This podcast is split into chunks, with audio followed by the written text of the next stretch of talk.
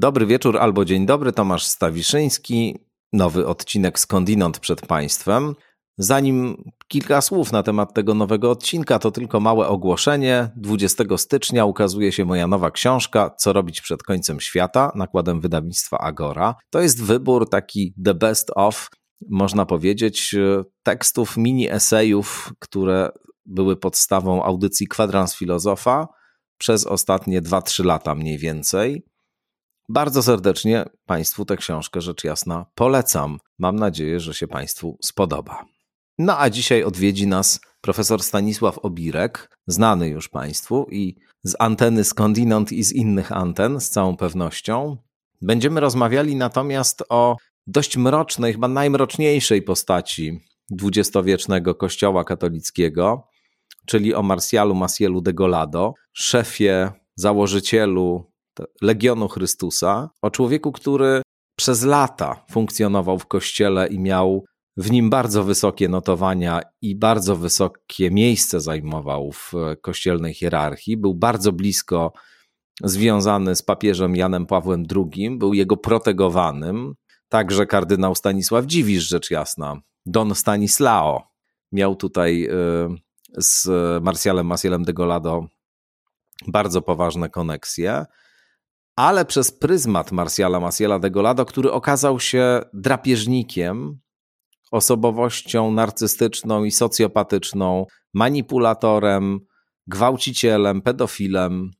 No naprawdę człowiekiem, który czynił zło w sposób radykalny przez wiele, wiele lat. Otóż przez pryzmat tej postaci pomówimy w ogóle o funkcjonowaniu instytucji kościelnych, o tym, jak to właściwie było możliwe, że ten człowiek w kościele tak daleko zaszedł i że mimo tego, że od lat 80. co najmniej ofiary Degolado próbowały z informacjami na temat tego, co on robił, do Jana Pawła II dotrzeć, to nie udawało się w żaden sposób zatrzymać e, tego przestępcy i on wciąż cieszył się wielką sympatią Jana Pawła II właśnie. To wszystko w tej rozmowie, także próba zrozumienia, jak ta instytucja Kościoła katolickiego jest zbudowana i jak to jest możliwe, że w ogóle takie systemowe ukrywanie, tuszowanie tak strasznych przestępstw latami w tej instytucji miało miejsce, choć ta instytucja przecież na sztandarach stawiająca najwyższe wartości.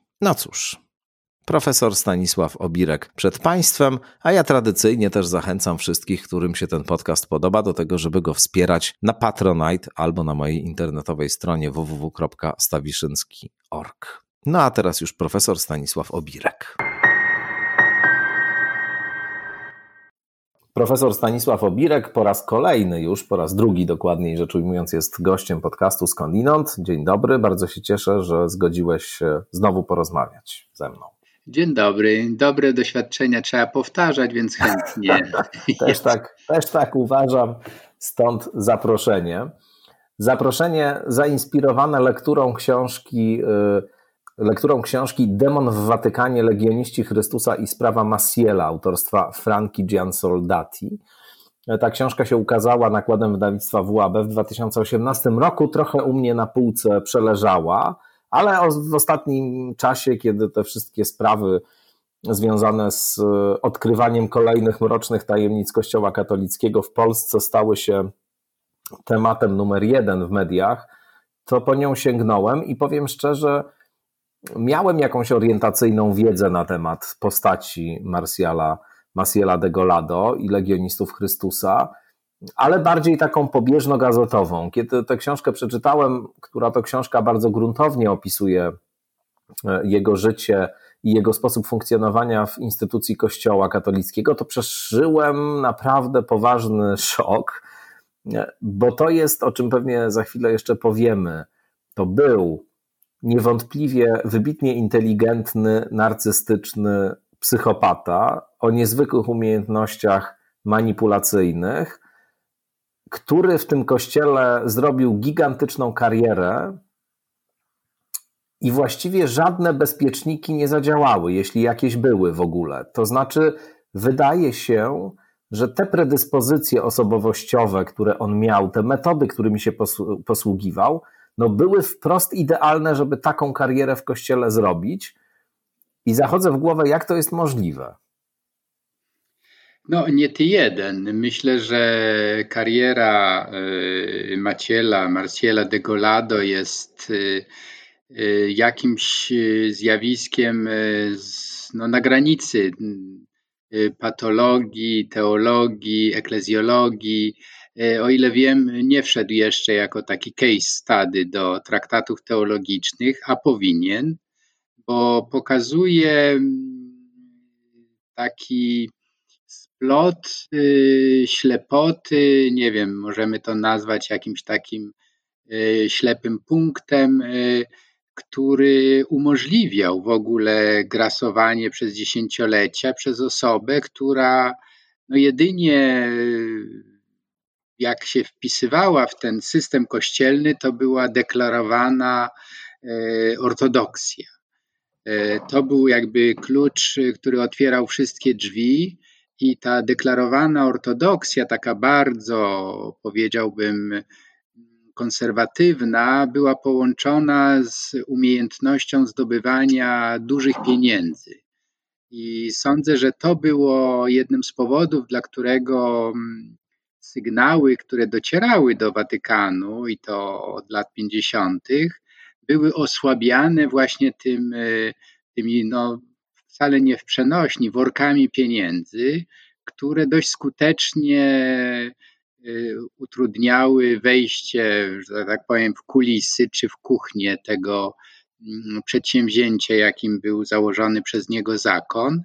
I to jest, y, no dzisiaj oczywiście rozmawiamy o tym jako o zjawisku, które już zostało wielokrotnie prześwietlone. Y, bibliografia która powstała wokół tego Lado jest no już taką dyskretną biblioteczką. Mamy też y, niezwykle precyzyjną diagnozę przesłuchania ofiar i przestępców. No sam Watykan się wypowiedział jeszcze za Benedykta XVI bardzo zdecydowanie i ostro o tym. No ale faktem jest, że to się stało dopiero u schyłku jego życia i ta erupcja e, pozycji książkowych tak naprawdę dotarła do nas dopiero, zwłaszcza do, do Polski, ze znacznym opóźnieniem, gdy główny winowajca już nie żyje. No a w polskich warunkach, o tym pewnie jeszcze powiemy, są powody, dla których się o tym za często i za dokładnie nie rozmawia. Ja bym zaczął y, jeszcze y, od takiego nakreślenia trochę sylwetki y, głównego bohatera, choć ciemnego bohatera tej naszej rozmowy i pewnego kontekstu polityczno-społecznego, który wydaje się, że odegrał dość istotną rolę w jego karierze i też powodował przez bardzo długi czas, że dostojnicy kościelni z Janem Pawłem II na czele patrzyli bardzo przez palce na docierające do nich od pewnego momentu mm, bardzo intensywnie doniesienia o, o rozmaitych nadużyciach, których Degolado dokonywał. To był człowiek e, urodzony w Meksyku w 1920 roku, którego wuj był uczestnikiem powstania Cristeros. Trzeba wiedzieć, co jest istotne, że Meksyk był e, krajem wówczas Kościołowi katolickiemu generalnie bardzo nieprzyjaznym i właściwie znaczna część życia e, Degolado to było funkcjonowanie e, i, i budowanie pewnej siły wewnątrz kościoła, instytucji kościoła katolickiego w kraju temu kościołowi raczej nieprzychylnym, co z kolei właśnie było mile widziane przez, przez Watykan. Stworzył ten swój Legion Chrystusa, E, taką organizację, taki, taki zakon, który, e, który właśnie odwoływał się do bardzo takiej konserwatywnej, ortodoksyjnej wizji e, katolicyzmu i stał na antypodach, bezpośrednio zresztą krytycznie się odnosząc, do teologii wyzwolenia w pewnym momencie. Miał być taką właśnie alternatywą konserwatywną dla teologii wyzwolenia, która w krajach Ameryki Łacińskiej się, się rozwijała. To wszystko właśnie powodowało, że kiedy w Watykanie pojawił się Karol Wojtyła, który z kolei na komunizm i wszystko, co związane z marksizmem, lewicą, zaangażowaniem społecznym o tej proweniencji patrzył bardzo podejrzliwie, no to uznał de Golado za, za człowieka, który taką ostoją tego antykomunistycznego katolicyzmu wypranego, wyzutego z tych wszystkich treści, które w teologii wyzwolenia były ważne, się stanie w Meksyku, w Ameryce Łacińskiej w ogóle. No i wydaje się, że ponieważ on był politycznie, mówiąc brutalnie, wygodny dla Watykanu, z uwagi na tą całą sytuację polityczno-historyczną, no to po prostu uznano, że, że niech, niech robi co chce. Już się nie przejmowano niczym innym. Nie, to bardzo y, zasadnie przywołujesz ten kontekst polityczny, bo on dotyczy nie tylko zresztą de Golado i jego y, bardzo zdyscyplinowanego zakonu, który był właściwie pod, taką agendą prywatną. To jest bardzo ciekawe, że pewne regulacje wewnętrzne sprzeciwiały się właściwie nawet jak na katolickie warunki takim elementarnym zasadom poszanowania dla godności człowieka. No, najważniejszym, mówię w wielkim skrócie, ale jednak najważniejszą cnotą to był, był szacunek dla E, założyciela, czyli właśnie dla Degolado i absolutna dyskrecja e, wobec jego metod czy sposobów postępowania. Tak, o tym nie należało nigdy mówić pod e, ślubem posłuszeństwa, więc to tłumaczy trochę wewnętrzne zniewolenie tych chłopców, bo to często byli chłopcy, którzy byli przez niego właśnie molestowani. E, więc to jest jakby jedna sprawa. A ta druga, o której mówisz, ona dotyczy nie tylko de Golado, który rzeczywiście był Meksykańczykiem i w Meksyku e, działał, stworzył ten, ten swój zakon, ale to dotyczy, tak mówiąc szerzej, e, hiszpań, hiszpańskojęzycznych krajów, czyli Ameryki Łacińskiej i, i Hiszpanii. I y, no nie wchodząc, bo to dość długi rzeczywiście y, proces, jak on funkcjonował, funkcjonował jednak na marginesie kościoła, co prawdopodobnie oprócz tych jego talentów, o których mówiliśmy na początku, również ten mm, polityczny komponent był ważny. On w latach 70. i 80., kiedy już pojawił się Wojtyła na arenie, on przygotował jego pierwszą wizytę w Meksyku, które się okazało. Dzięki temu dzięki temu wszedł w łaski e, e, Karola Wojtyły. E, takim gestem niezwykle zapamiętanym podobno przez Wojtyłę było załatwienie mu przez Degolado możliwości występowania w sutannie. To znaczy on, tam generalnie księża musieli chodzić po cywilnemu. Był zakaz wówczas noszenia sutan. No więc on cię nie musiał też zwracać z jakąś specjalną prośbą do władz o tego typu strój, ani też nie musiał występować o jakąś tam specjalną wizę, tylko właściwie dostał od razu pozwolenie na to, żeby przyjechać i to mu załatwił Degolado, no i już wtedy Karol Wojtyła był kupiony.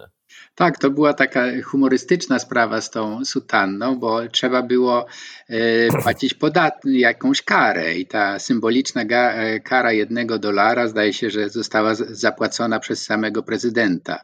Więc to rzeczywiście pokazuje tę obrotowość Degolado. Nawiasem mówiąc, inny mi się skojarzyło, że jeden z biskupów polskich, który zrobił karierę, już jest w tej chwili by, byłym biskupem diecezjalnym, Edward Janiak, między innymi też y, wpadł w oko Znana postać. papieżowi właśnie, bo był bardzo sprawny w przygotowywaniu jakiejś wizyty papieskiej we Wrocławiu, Dni Młodzieży, czy mm. jakaś taka historia. Więc wydaje się, że to, to te drogi karier y, y, w Watykanie były bardzo osobliwe i Degolado jest, wpisuje się tutaj w ten, ten model. I jeszcze słówko może do teologii wyzwolenia. Absolutnie tak. Teologia wyzwolenia była no to jest, myślę, że trzeba odróżnić w różnych okresach, jak to było. Na pewno Paweł VI nie był e, tak totalnie przeciw, wręcz przeciwnie, mm, on chyba był w Puebla czy w, w Kolumbii, w Modelin. W każdym razie te pierwsze lata teologii wyzwolenia, więc lata 60., 70., to była bardzo, jeśli nie bardzo popierana, na pewno z uwagą obserwowana teologia i dopiero gdy nastał Wojtyła, czyli od 78 roku zaczyna się ten frontalny atak na teologię wyzwolenia i stąd poszukiwanie oczywiście sojuszników. Jedna droga to było nominowanie konserwatywnych teologów, y, księży, którzy stawali się twarzą właśnie kontrofensywy przeciw teologii wyzwolenia. Jeden z nich to był Trujillo, na przykład taki kardynał bodajże kolumbijski. Y, no, w każdym razie sojusznikami byli właśnie legioniści, jeśli chodzi o Meksyk, a w całej Ameryce Południowej Opus Dei. Obie te organizacje za Pawła VI w, czasach Soboru Watykańskiego II były marginalizowane, no bo były jakby w kontrze do tego, czym y, stał się Sobór Watykański II z otwarciem na, na świat, z, z poszanowaniem dla sumienia. Y, myślę tutaj o takich deklaracjach jak o godności y, Y, dignitatis humane, ale tak naprawdę to była, to była deklaracja o wolności sumienia, o wolności religijnej.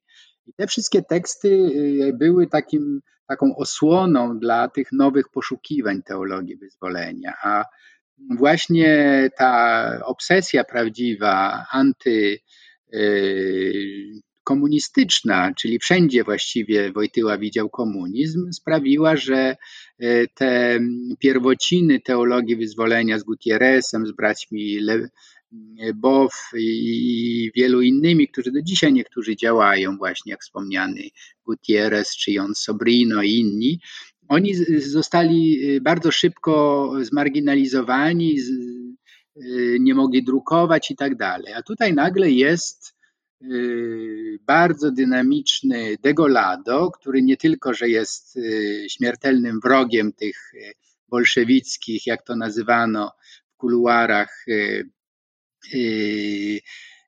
zjawisk, ale proponuje zdrowy katolicyzm, konserwatywny, odwołujący się właśnie do takiej dyscypliny podporządkowanej absolutnie y, autorytetowi kościelnemu. No i jednym z tych y, punktów odniesienia w duchowości to była oczywiście bezkrytyczna akceptacja nauki papieża, co nie było wtedy w latach 60. i 70. takie oczywiste. Więc to tłumaczy ten splot różnych bardzo e, wymiarów i teologicznych, i właśnie takich historyczno-kontekstowych, no bo to dokładnie dotyczy Meksyku i, i Ameryki Łacińskiej, że miał ten przystęp taki właściwie bez ograniczeń do Watykanu.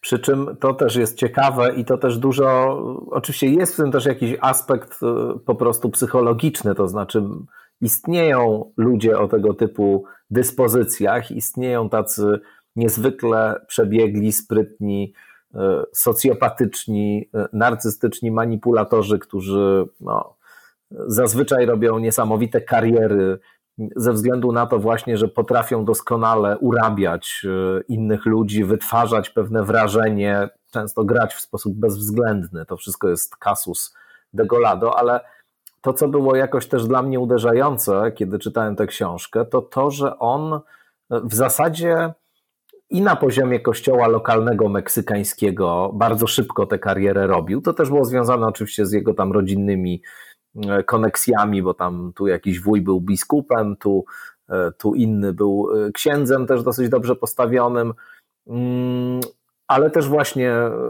szybko w tych strukturach watykańskich z powodów, o których już teraz mówiłeś właśnie, również awansował, ale też w różnych kościołach w lokalnych takich, e, lokalnych kościołach w różnych krajach, w których Legion Chrystusa funkcjonował, no to właśnie wszędzie ten Degolado był, był człowiekiem, który potrafił wszystko załatwić, który w bardzo skuteczny sposób realizował, realizował swoje cele i pod tym względem rzeczywiście to był jakiś taki fenomen trochę.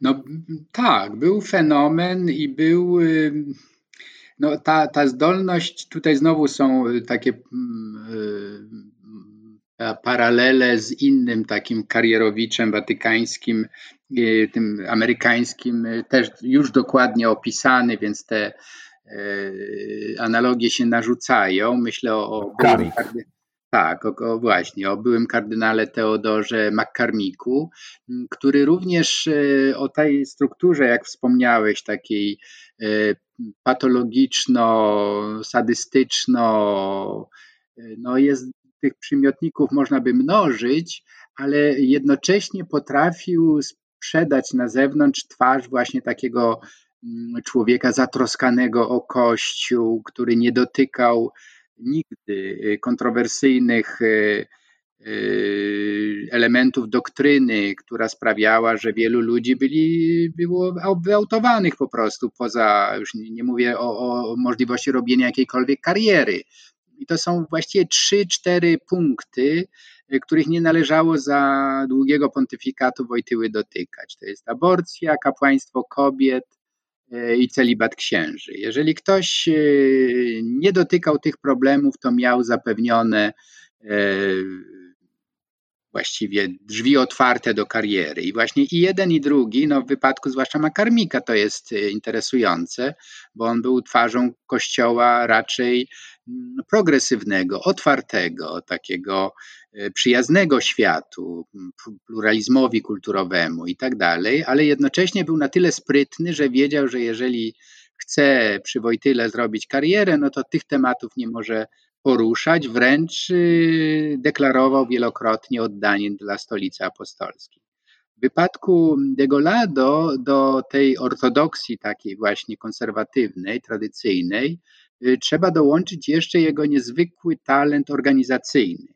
On organizował dziesiątki czy nie setki szkół różnych, uniwersytetów, i to też y, dawało mu taką przypustkę do ucha papieskiego jako kogoś, kto był w stanie, przecież to już były lata naprawdę 90., e, no końcówka e, i pontyfikatu i jego działań. On dostał, e, zainwestował jakieś potężne pieniądze w Izraelu właśnie na budowanie jakiegoś centrum badań czy jakiegoś akademickiego instytutu.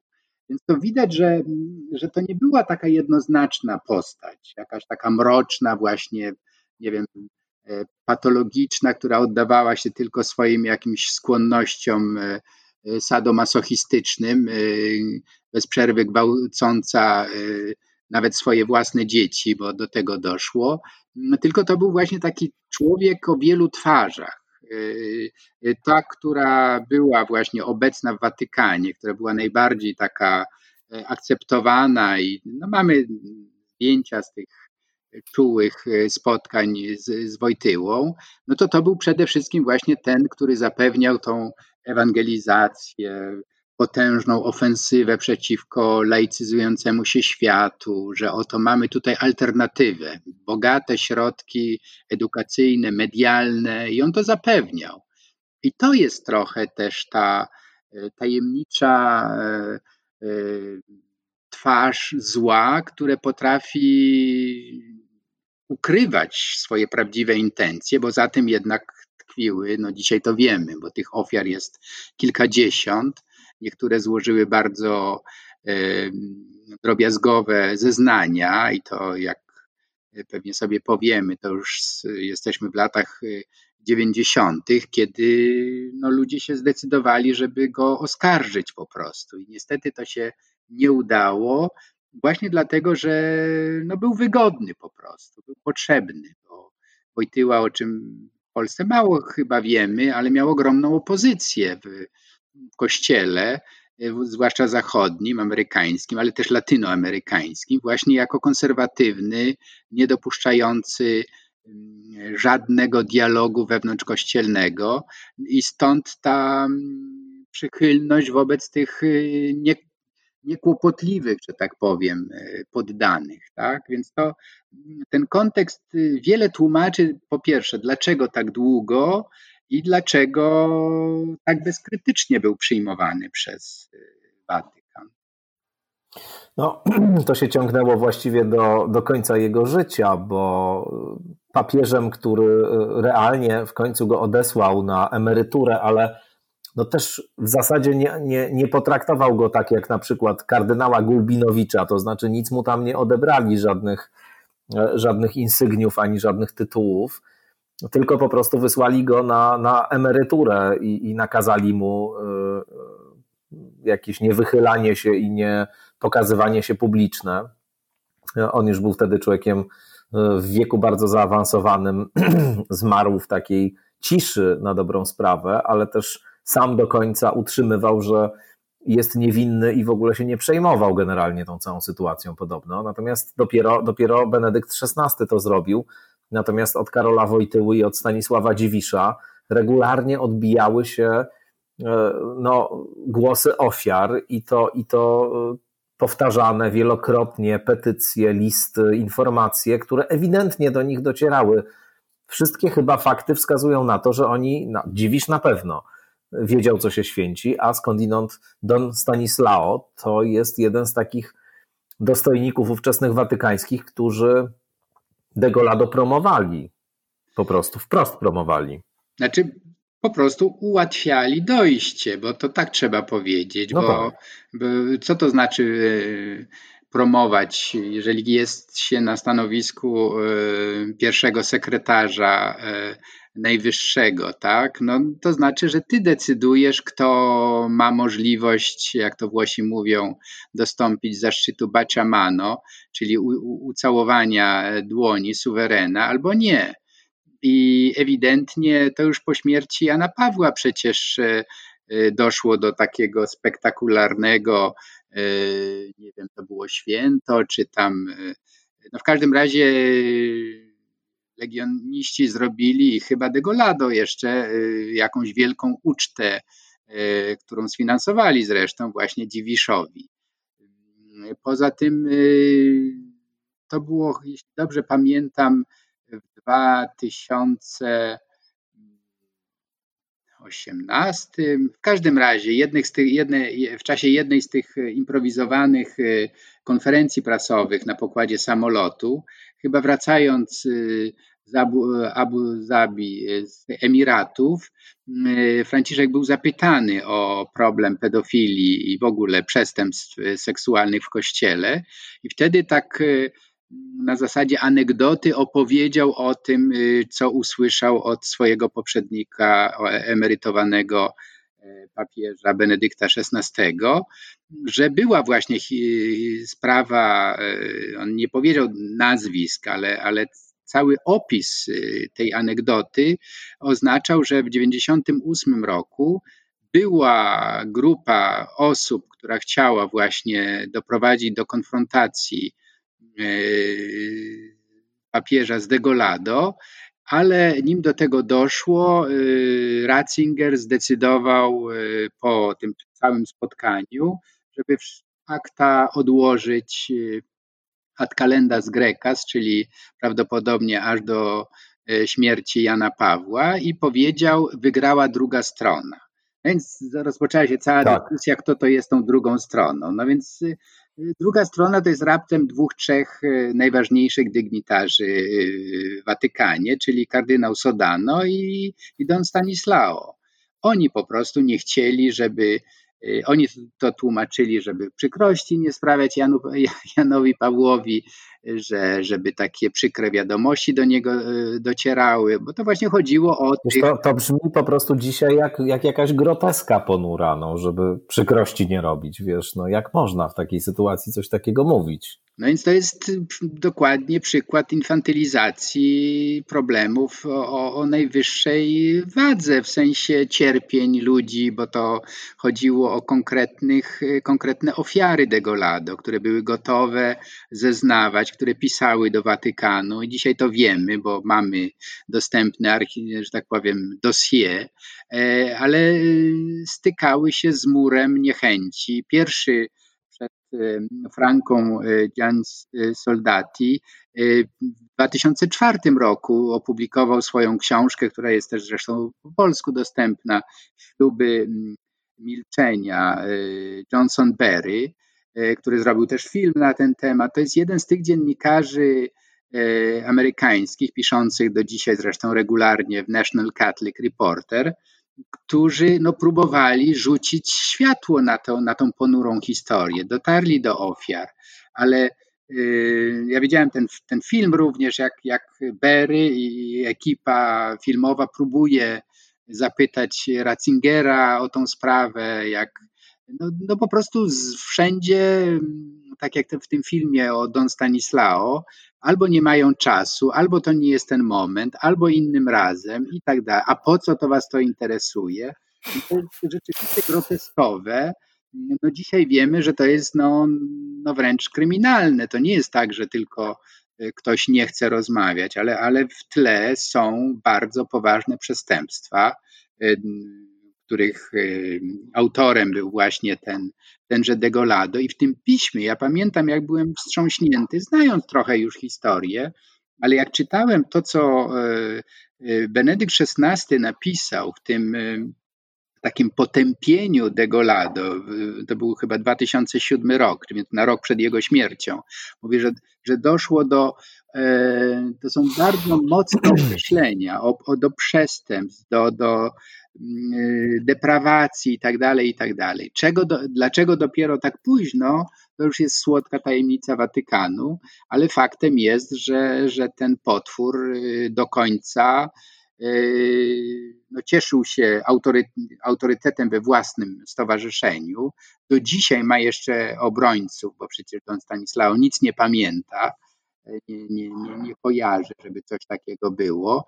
Więc jest jakaś wola, czy raczej brak woli, żeby o tym mówić, i tylko dzięki właśnie takim e, dziennikarzom, jak właśnie wspomniana Franka Gian Soldati czy, czy Berry, czy Thomas Doyle, który bardzo blisko te sprawy od 10 lat obserwuje i na ten temat pisze, no możemy o tym w ogóle rozmawiać, bo inaczej byłaby to pogrzebana jedna z kolejnych tajemnic Watykanu.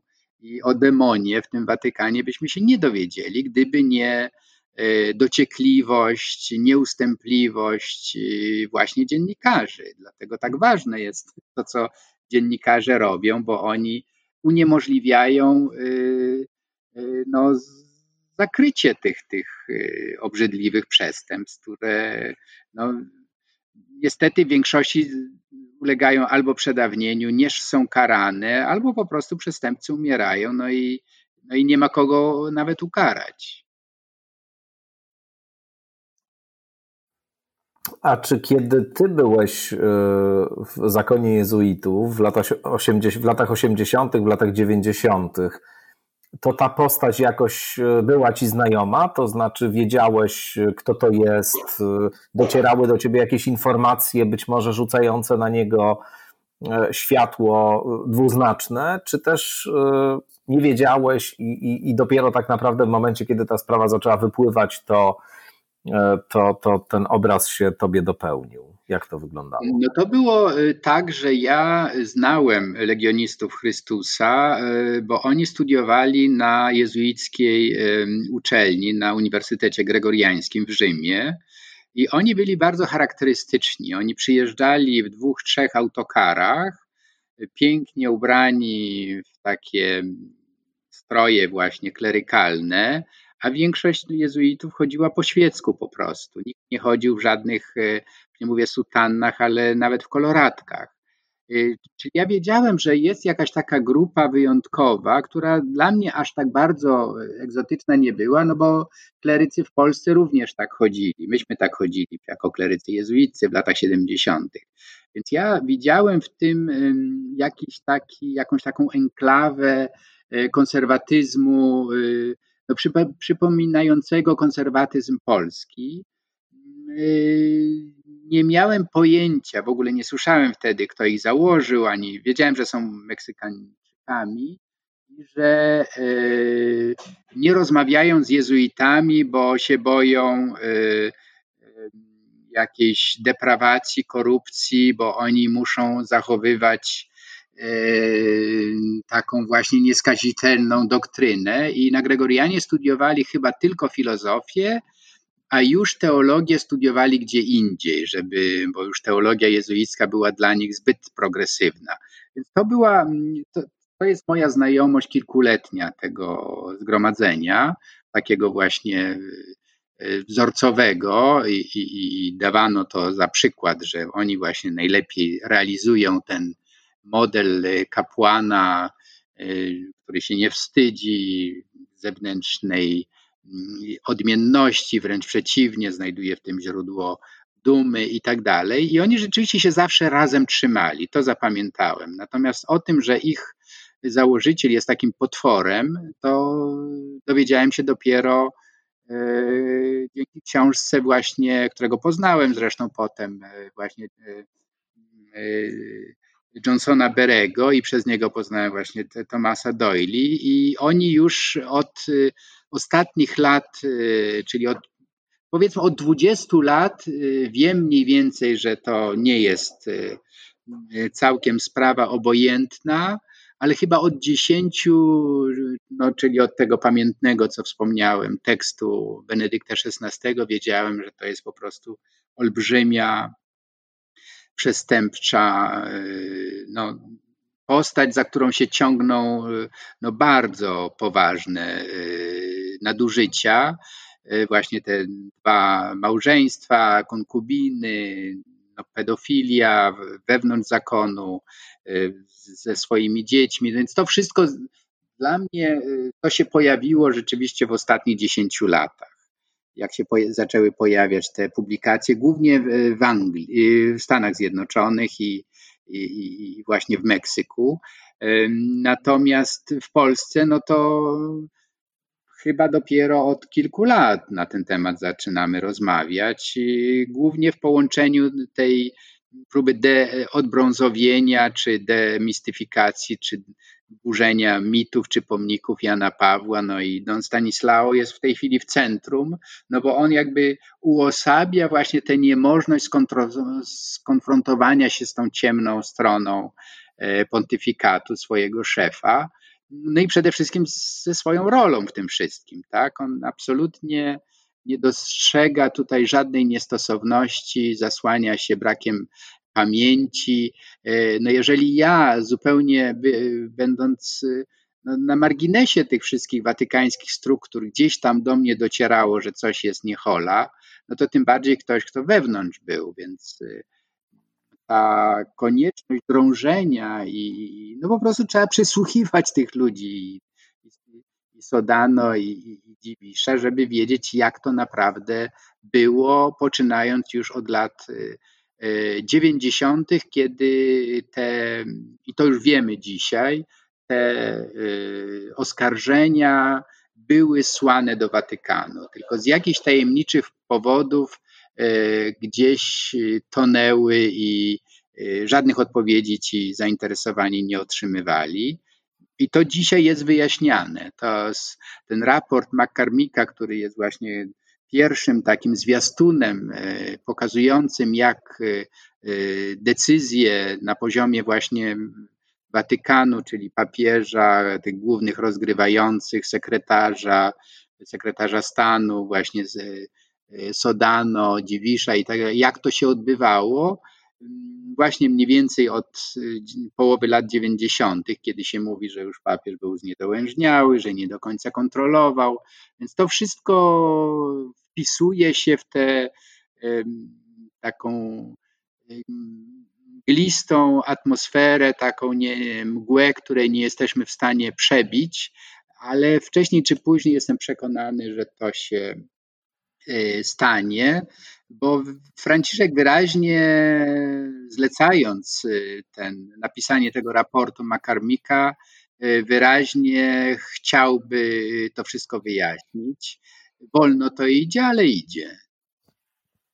No ale tak, y, nie mając jeszcze w pełni wszystkich danych, tylko kierując się jakąś własną intuicją i własną oceną sytuacji, czy myślisz, że to naprawdę było tak, że oni, mówię, dziwisz Wojtyła, naprawdę wiedzieli, że ten człowiek robi takie rzeczy i kierując się interesem instytucji, postanowili to zignorować. To znaczy uznali, że większym złem będzie zgorszenie płynące z tego, że się takie fakty wydadzą, aniżeli uciszenie e, tych ofiar i, i pozostawienie tej sprawy takiej, w takim stanie, w jakim ona była.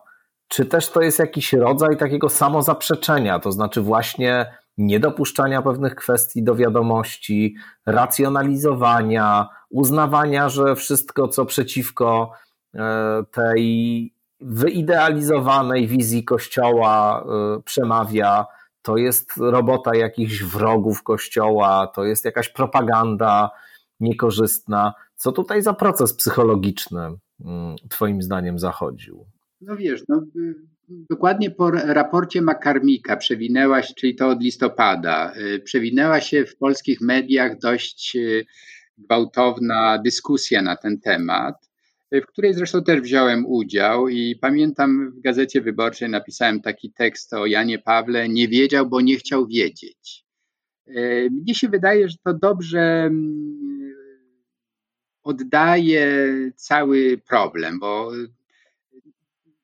wiesz, no jeżeli nie chcesz czegoś wiedzieć, no to nie będziesz wiedział. No jest rodzaj takiego y, zaprzeczenia, że to jest niemożliwe, żeby człowiek, który tyle y, zasług ma, który tak dzielnie wspiera Kościół, który no, poczynając od tej legendarnej, pełnej triumfu pielgrzymki Jana Pawła do Meksyku, żeby on był takim potworem, nie, to jest niemożliwe. Czyli jest to rodzaj takiego zaprzeczania.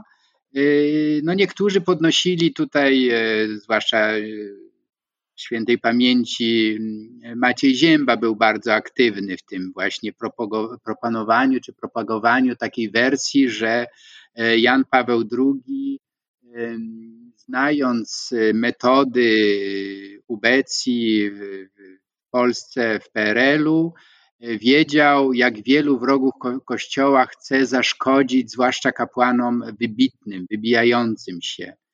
I to jakby miało usprawiedliwiać y, tę jego niechęć zajęcia się przestępstwami degolado, bo jakbyś tak sobie gdzieś tam, nie wiem, no, trudno, właściwie brak mi słów tutaj, żeby to nazwać, ale tak naprawdę chodzi o to, że yy, ten sam mechanizm usprawiedliwienia księży, którzy mogli być yy, niesłusznie oskarżani, tutaj zadziałał. Tylko tutaj oczywiście nie było, nie było KGB, nie było ubecji, ale były wrogie siły sekularyzacyjne, które jak wiemy Jan Paweł II miał jasne spojrzenie na to, tacy ohydna cywilizacja śmierci na pewno robi wszystko, żeby Kościół podminować, zniszczyć i tak dalej. To, oto mamy tutaj dwóch wybitnych mężów, Degolado i Makarmika, którzy tyle, którzy tyle dobrego dla Kościoła robią i teraz wrogie siły próbują to y, zaburzyć, zniszczyć i tak dalej. Jestem gotów przyjąć tę wersję, tylko pytanie jest, a dlaczego w takim razie nie e, dano posłuchu głosom ofiar? E, to jest słynne zeznanie Geilera bodajże, James Geiler, nie, nie pomnę w tej chwili, w każdym razie jest to do sprawdzenia, który mówił i jego zeznanie było jednym z powodów, dla którego ruszył proces y, Makarmika, że w 1988 roku, o tym pisały gazety amerykańskie, on y, jako ten y, siostrzeniec czy kuzyn, no w każdym razie z wujkiem Makarmikiem był u Jana Pawła II w 1988 roku. Makarmik gdzieś się na moment oddalił i ten powiedział, to się powoł, mówię o tym, co on powiedział. Janowi Pawłowi o tym, że, że ten, że e, wtedy jeszcze biskup go molestował jako, jako dziecko, bo on miał wtedy 11 lat, kiedy to się zaczęło. Jan Paweł II podobno wysłuchał i, i, i dał mu różaniec, żeby się modlić.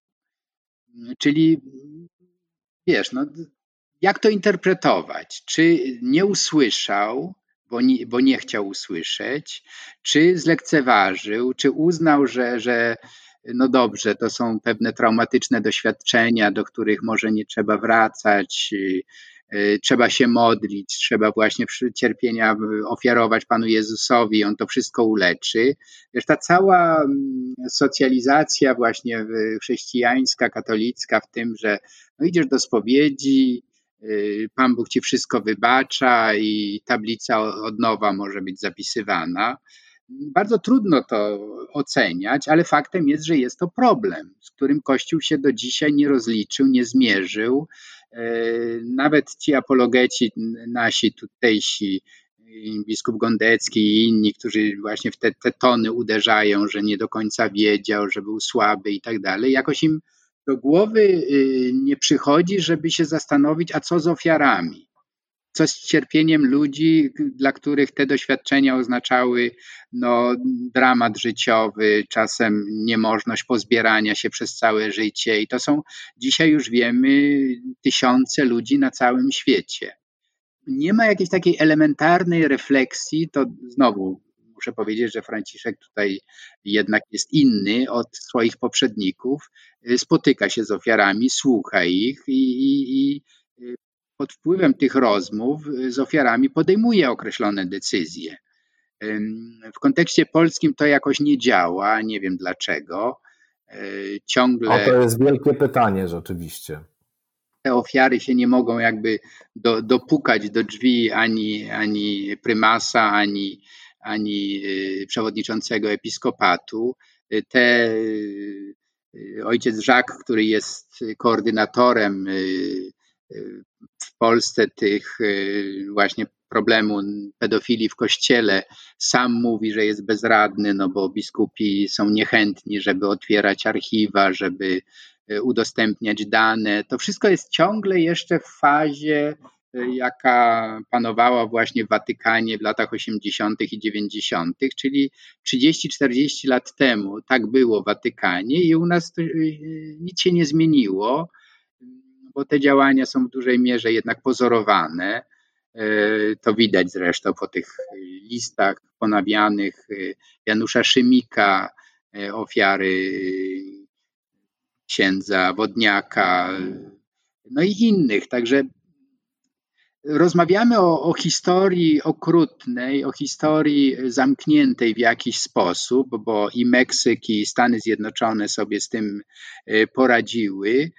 Mamy na szczęście obfitą y, literaturę na ten temat, każdy może się z tym zaznajomić, a u nas y, jakby się nic nie zmieniło. No, strategia wypierania, przemilczania y, ma się dobrze i bardzo trudno właściwie znaleźć partnera po stronie kościoła. No może miesięcznik Więź tutaj i redaktor Nosowski jest bardzo aktywny, odnotowuje te wszystkie rzeczy, komentuje z oburzeniem. No ale przecież nie Nosowski jest twarzą Kościoła, tylko yy, ojciec Tadeusz Rydzy, który sobie no, niemalże kpiny urządza, mówiąc o tym, że biedny jest yy, biskup yy, Janiak, Edward Janiak, którego właśnie tutaj media Zaszczuty że jest zaszczuty, jest ofiarą. Tak. To on jest ofiarą. Czyli odwracanie właściwie ról. I to jest, y, jeśli rozmawiasz z przekonanymi takimi właśnie katolikami, którzy są odbiorcami tych mediów toruńskich, y, no to bardzo trudno właściwie się przebić z taką spokojną rozmową, jak dusze jest nasza właśnie, gdzie próbujemy zrozumieć ten, ten fenomen, biorąc pod uwagę i wewnątrzkościelne uwarunkowania, i geopolityczne. To wszystko y, ma swoje uzasadnienie. To nie jest żadna, y, w tej chwili nie chcę osłabiać tego demaskatorskiego dyskursu, jaki wspólnie prowadzimy, ale uderzyło mnie, że na przykład w Niemczech y, kardynał Welki w Kolonii dokładnie taką samą taktykę przyjął. To znaczy najpierw zlecił sporządzenie raportu w sprawie nadużyć pedofilskich kleru, a potem ze względu na to, że jednym z oskarżonych e, bardzo solidne e, dane świadectwa ofiar zgromadziła ta e, pracownia, której on zlecił ten, ten raport, no to on mówi, że trzeba jeszcze jeden raport zrobić, bo tutaj to nie jest, metodologia nie jest najlepsza. No i oczywiście spowodował oburzenie mm. Wielkie E, wszystkich innych biskupów, czyli jest odosobniony, tak? Oddał się do dyspozycji Franciszka, zobaczymy, czym to się skończy, no ale tam to było skandalem, ale w Polsce nawet nie ma prób y, takich raportów. Ja nie znam żadnej diecezji, która by, czy zakonu, która by takie raporty chciała zrobić, także nie ma się nawet y, okazji oburzyć, bo, bo, bo nie ma podjętych y, takich systemowych prób. No to wszystko, co, co do nas dociera, to są albo bracia Sekielscy i ich kolejne filmy, albo redaktor Piegza z Onetu, albo wielu innych z gazety, y, redaktor Krzyżak nawet i, i mówię o prawicowych też dziennikarzach, czy Terlikowski, wreszcie dostrzegają problem, ale to wszystko jest jakby wymuszane przez y, y, zewnętrzny nacisk mediów.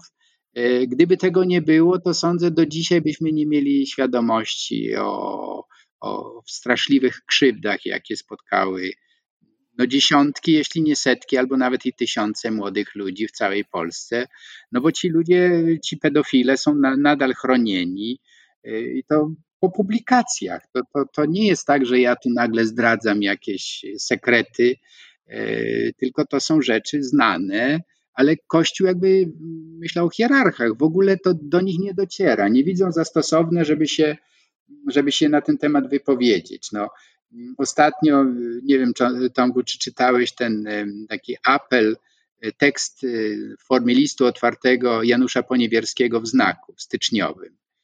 Nie, nie, nie widziałem tego. To bardzo ciekawe. On mówi właśnie do biskupów e, jako owieczka, tak? Ja, owca, do was, halo, słyszycie mnie, biskupi? Gdzie, gdzie byliście, gdy, gdy sprawa Peca była taka jasna, gdy został i powołuje się na Przeciszewskiego, szefa Kaju, tak? Zesłany z Watykanu, mimo że tam znano jego, jego skłonności do młodych księży i kleryków. No, znowu, publicysta katolicki domaga się y, jakichś elementarnych odruchów przyzwoitości od biskupów i zdaje się, że, że się nie doczekał na razie reakcji. Także no bardzo to jest dla mnie zagadkowe. Mógłbym powiedzieć, nie mój cyrk, nie, nie moje małpy, ale z drugiej strony, jako część y, jednak społeczeństwa polskiego, y, myślę, że Kościół powinien, tak jak każdy inny, y, każda inna grupa społeczna, no, być poddana takiemu prześwietleniu i ofiary, które się zgłaszają, które domagają się sprawiedliwości, powinny być wysłuchane, a przestępcy ukarani, bo potem znowu za 10-20 lat mm, będzie się o tym pisać czy mówić, no jak to możliwe, że w Polsce nikt o tym nie wiedział. Przecież wiadomo, że taki owaki był notorycznym e, pedofilem, krzywdził dziesiątki dzieci i nikt, nikt się tym nie zainteresował. Także trochę to jest w interesie nas wszystkich, żeby to jak najszybciej jednak e, profesjonalnie się tym zająć, również w sensie e, prokuratorsko-sądowniczym, no bo, no bo będzie tak, że będziemy właśnie czytać gdzieś tam książki o nas napisane i powiemy, no nic nie zostało zrobione. Dlaczego? Jakie mechanizmy tutaj zadziałały? Właśnie na koniec bym Cię zapytał o te mechanizmy, choć ja wiem, że to jest w ogóle pytanie na osobną rozmowę i zagadnienie na osobną rozmowę i nie jedną książkę na ten temat by można napisać i już e, tu i ówdzie takie książki powstały, ale e, jakie Twoim zdaniem za tym stoją mechanizmy, że akurat instytucja, która właśnie wydawałoby się, że e, wewnątrz swoich szeregów powinna szczególnie pilnować tych wszystkich kwestii, które sama głosi, niesie na sztandarze, no, doszła do punktu, w którym działy się w niej tego rodzaju rzeczy i to w sposób e, systemowy, w sposób regularny, latami, z wypracowanym całym mechanizmem tuszowania, przenoszenia. Jak to, jak to jest możliwe, że coś takiego się stało akurat w kościele, który, który przecież głosić ma e, miłość, wrażliwość na słabość, e, bezbronność, który stawać y, ma po stronie ofiar, a nie po stronie katów zawsze, który właśnie w przesłaniu, w każdym razie swojego założyciela, ma być taką siłą, która złu się przeciwstawia w sposób najbardziej radykalny z możliwych. No oczywiście pytanie jest y, dobre i, trafiające jakby w sedno. Ja y, spotkałem się z wieloma odpowiedziami. Trzy do mnie najbardziej trafiły. Jedna, y, którą usłyszałem od Johna Pawlikowskiego, z kolegą Arturem Nowakiem rozmawialiśmy z Johnem Pawlikowskim, który jest księdzem Amerykaninem o polskich korzeniach. Przypatruje się temu, co się w Polsce dzieje. W każdym razie w tym wywiadzie który chyba w, w czerwcu był opublikowany. W każdym razie John y, Pawlikowski mówił, że jedną, y, jeden z powodów to jest celibat. Nie w sensie, że celibat bezpośrednio powoduje zachowania pedofilskie, ale że gdyby księża mieli rodziny, dzieci, to by myśleli o dzieciach, a nie o, a nie o instytucji. Czyli taki, mi się wydaje, że to jest bardzo proste wyjaśnienie, ale, ale znaczące. I to podane przez księdza katolickiego. Myślę, że to jest, e, to jest ważna e, e, diagnoza. Drugie to jest ta kultura, którą się nazywa kulturą klerykalną, to znaczy takie ubóstwienie święceń kapłańskich i biskupich. E, czyli ksiądz y, jakby z definicji jest y, alter Christus. To jest w teologii głęboko zakorzenione. Jest tym, który jest tym przekaźnikiem, mediatorem wszelkich łask zbawczych. No i bardzo trudno e, ludziom, to dzisiaj w Polsce jest bardzo widoczne, jak czasem wieś, bo to na wsi głównie się odbywa, staje w obronie pedofila, dlatego że to jest ich ksiądz i to jest niemożliwe, że to jest na pewno te dzieci go kusiły i tak dalej. Czyli jest rodzaj takiej e, e, dziwacznej zupełnie świadomości, że sakrum nie może być skalane profanum czy grzechem. Tak? Czyli ksiądz jest otoczony takim nimbem E, świętości i, i, i, nic nie może go wzruszyć, w każdym razie z trudem. No i trzecie, może naj, najbardziej chyba przekonujące dla mnie, to termin zaproponowany przez teologa, moralistę Jima Kinana, e, który taki neologizm stworzył hierarchikalizm. Mówi, że e, klerykalizm to jest za mało. Hierarchikalizm oznacza, że mm, istnieje mentalność y, y, ludzi, którzy od seminarium myślą o tym, żeby być biskupem, a może nawet papieżem. Czyli jest ten rodzaj takiego pnięcia się po drabinie kariery i potem wzajemne y, wspieranie się w tej drodze. Jeżeli ktoś już doszedł do biskupstwa, no to broń Boże, nic złego o koledze biskupie nie powie.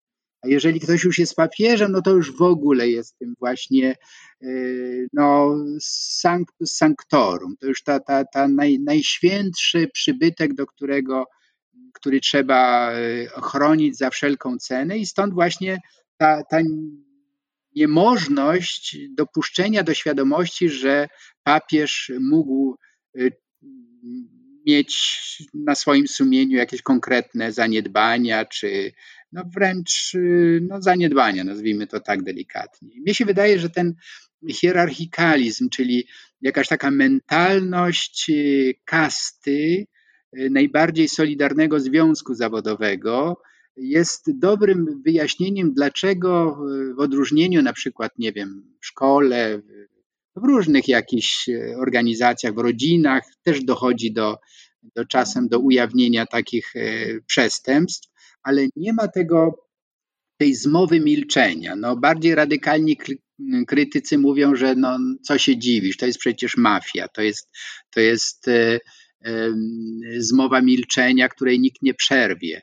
Więc e, moim zdaniem jest tu cały szereg różnych czynników, które wcale się nie e, wykluczają, ale wręcz e, dopełniają się wzajemnie. Jest tutaj rodzaj takiej synergii między no w, gruncie rzeczy tą archaiczną strukturą, taką feudalną, która uniemożliwia normalne prześwietlenie funkcjonowania tych struktur. I tak naprawdę te kwestie, o których mówimy w odniesieniu do Degolado, tylko pokazują, jak w soczewce e, te problemy strukturalne, systemowe, które po prostu należy zmienić. Tutaj nie ma innej możliwości, jak tylko radykalna reforma, poczynając od seminariów, które powinny być normalnymi uczelniami, studenci, klerycy powinni się konfrontować ze swoimi rówieśnikami, a nie być od małego chowani, właśnie hodowani w takiej szklarni i potem całe życie przepędzają właśnie w takiej świadomości własnej wyjątkowości. E, no i efekt finalny jest taki właśnie w skrajnych przypadkach Degolado czy McCartney. Bardzo dziękuję. Oby to jednak w ten sposób się udało dla bezpieczeństwa nas wszystkich, powiedziałbym. No i dla przywrócenia elementarnego moralnego porządku to by było wysoce wskazane. Profesor Stanisław Obirek, bardzo Ci dziękuję. Dziękuję bardzo. I Państwu też dziękuję. No i zapraszam oczywiście na kolejne odsłony podcastu Skądinąd. Do usłyszenia.